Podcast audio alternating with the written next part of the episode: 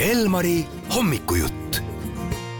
täna räägime ulukitest teedel ja, ja kuidas oleks võimalikult ohutu liigelda meie autojuhtidel, bussijuhtidel. Telefonil on meil loomade käitumise asjatundja Valle Rajasaar, tere hommikust, Val! tere hommikust! Sügis on ikka see aeg, kui meie teadvusesse jõuab see, et ka loomad liiguvad teedel, sest lihtsalt äh, varem hakkab pimedaks minema ja on mul õigus, et loomad tahavad oma asjatoimetused ka enne öö saabumist äh, korda saada? Äh, jaa, eks ta niimoodi ongi, et äh, nii nagu meie ajame omi asju, sõidame autodega edasi-tagasi mööda maanteid, mis me oleme endale selle jaoks ehitanud, niisiis loomadel on oma käigurajad omade asjade ajamiseks ja äh, need käigurajad on tegelikult palju vanemad kui maanteed. ja, ja loomad on meile vastutulelikult äh, tasapisi harjunud autoliiklusega ja õppinud, äh, ega siis nagu öeldakse, loom ju loll ei ole. et õpivad nad ka toime tulema oma teeületustega, aga nad peavad saama seda jah, rahulikult teha oma kindlates välja kujunenud kohtades. ja siis meie ülesanne kui need, kes ehitasid maanteed, ja mõtlesid välja autod, et meie ülesanne on siis teada neid kohti, kus loomad omi asju käivad ajamas. ja seda on väga lihtne teada, sellepärast et need kohad on ju kõik äh, meil Eestis liiklusmärkidega tähistatud, põdramärkidega tähistatud. ja need on õigetesse kohtadesse pandud, need märgid, nii et äh, tuleb võtta neid märke tõsiselt ja tõepoolest äh, sügisesed ja kevadised ajad on need, kui liikluse tipptunnid langevad samale ajale, kui kui metsloomade tipptunnid. ehk siis hämariku aegadel nii hommikul kui õhtul. ja siis tuleb olla rohkem tähelepanelik just nendes kohtades, kus loomad teid ületavad. no minu isiklik loogika ütleb ka seda, et loomade käitumist äh, saavad mõjutada ka inimesed, eeskätt need, kes püssi hoiavad ja jahil käivad. et kuidas äh, see nende käitumist mõjutab ja, ja no mulle tundub, et jahihooaeg on igal juhul alanud. jaa, ühisjahihooaeg ehk siis äh, see, mida nimetatakse ka ajujahiks mis on kõige pidulikumad ja kõige seltskondlikumad ja toredamad äh, jahipidamise viisid. Äh, see ongi siis esimesest oktoobrist läheb lahti ja, ja siis kestab novembri lõpuni, noh, tegelikult metssigade puhul ka veebruarini. aga siis juba palju vähem, aga põhimõtteliselt oktoober-november on see aeg ja see on välja mõeldud jahinduses just nimelt see aeg sellepärast, et siis on põtradel jooksuaeg, pulmad siis nad liiguvad nagunii väga palju ringi, on, on natukene arust ära. et siis võimalikult vähe aastaringis seda segadust tekitada, siis on need ajad ühitatud. tänapäevases jahinduses üldiselt on äh, jahi kvaliteet muutunud juba nii heaks, et äh, ja ohutuse teemad ja, ja igasugused abiseadmed, lisaseadmed nii koertele kui inimestele ja nii edasi, millega üksteist jälgida, ja jahti korraldatakse, ajujahti korraldatakse alati maanteedest eemale ja vajaduse korral siis, kui on, on mingeid ohte, siis pannakse ka oranžides vestides kütid paar tükki maanteele liiklust rahustama ja, ja seda me peaksime siis oskama teada, et tähelepanelikumad olla.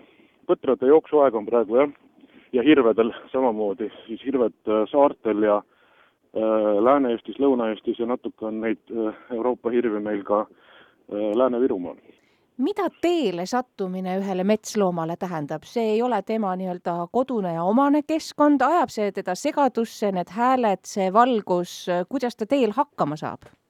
kui ta satub sinna vales kohas või, või äh, segadusse aetud olekus või, või põgeneb kellegi eest, siis ongi need äh, ohuolukorrad, kui võib juhtuda ka liiklusõnnetusi. siis, kui loomad saavad rahulikult äh, omi, omi radu käia sisse harjunud radadel, kus neid ei segata, pole mingeid takistusi, ootamatusi kuskil, siis üldiselt nad teavad, kus on maanteed, nad jäävad piisavalt ohutus kauguses seisma, jälgivad olukorda ja ületavad tee siis, kui on vaiksem hetk. Ja ohtu ei ole, aga, aga segadus on jah, see kõige suurem, suurem asi, mis siis, kui nad, kui nad ei saa rahulikult seda teha, me võime ette kujutada seda oma rikkaliku loodusega Eestis, et äh, enamus neid elukaid jääb äh, autoroolis olles meil seetõttu märkamata, sest nad on seal kuskil tee lähedal ja ootavad sobivat hetke, et teed ületada. näemegi ainult neid, kes siis ootamatult peavad seda tegema ja näeme ka rahulikult toituvaid loomi, kes on maanteedega harjunud, eriti just suurlinnade ümbruses ongi need kõige, ka liiklusohtlikumad kohad, sest liiklustihedus on suur ja loomad on maanteedega rohkem harjunud. nii et mõne üksiku metsavahetee peal võib äh, metslooma kohata palju harvemini. aga kuidas ta tee peal käitub või kuidas ta liiklust näeb, loomad, kui nad satuvad maantee lähedale, autosid on vähe ja siis tuleb eemalt üks, et siis sõltub väga palju tuule suunast. et ega nemad ei oska väga täpselt seda auto liikumise kiirust äh, määrata ja sõralistel loomadel on ju silmad rohkem pea külgedel, et rohkem ümbruskonda saaks jälgida, olla valmis kiskjate vastu näiteks ja siis ühe silmaga ühele poole vaadates ja teisega teisele poole vaadates, siis ühe silmaga ei saa ju kaugust hinnata, selleks on vaja ikkagi binokulaarset nägemist, mõlema silmaga vaatamist, et kaugust hinnata. ja ühe silmaga vaadates loomale tundubki, et eemal, eriti kui tuul on, tuule suunast sõltub jah palju, kui ta ei kuule autot, siis ta kujutab ette, et mingisugune valgusvärvi laiguke või siis kaks väikest, väikest täppi, valgustäppi ehk laternat kuskil eemal kauguses kas siis paisub või või, või kaugenevad teineteisest aeglaselt, et ta ei saa aru, et see läheneb, sest ta ei kuule. ja tänapäeva autod on ju muutunud vaikseks, rehvid heaks, teekatted siledaks, nii et seda heli on, on palju vähem, müra on palju vähem. ja vot siis ongi see ohuolukord võib tekkida siis, kui auto on jõudnud nii lähedale, et loom kuuleb tema häält. vot siis võib toimuda ehmumine. ja üldiselt, mida teeb üks tark loom, on see, et kui teda ehmatatakse, siis ta läheb tagasi sellepärast et see on põgenemine ja põgenemine toimub alati kõige ohutumat teed mööda, ehk kus ta juba käinud on. ja sealt tuleb nüüd üks teadmine meile autojuhtidele, et kui loom on juba üle tee läinud kauguses, siis selle ehmatuse peale, mida ta kuuleb alles hiljem, võib ta tagasi pöörduda üle tee uuesti, et, et põgeneda. et see on see põhjus, miks mõnikord nad hüppavad tagasi ja satuvad auto ette, nii et selleks tuleb alati valmis olla ja teine asi, milleks tuleb valmis olla, on, et äh, noorloomad, sellesuvised, kevadised, on siis äh, emadel taga nagu väiksed vagunid veduril ja nemad peavad saama sinna, kuhu ema läheb. ja nemad tulevad natuke hiljem.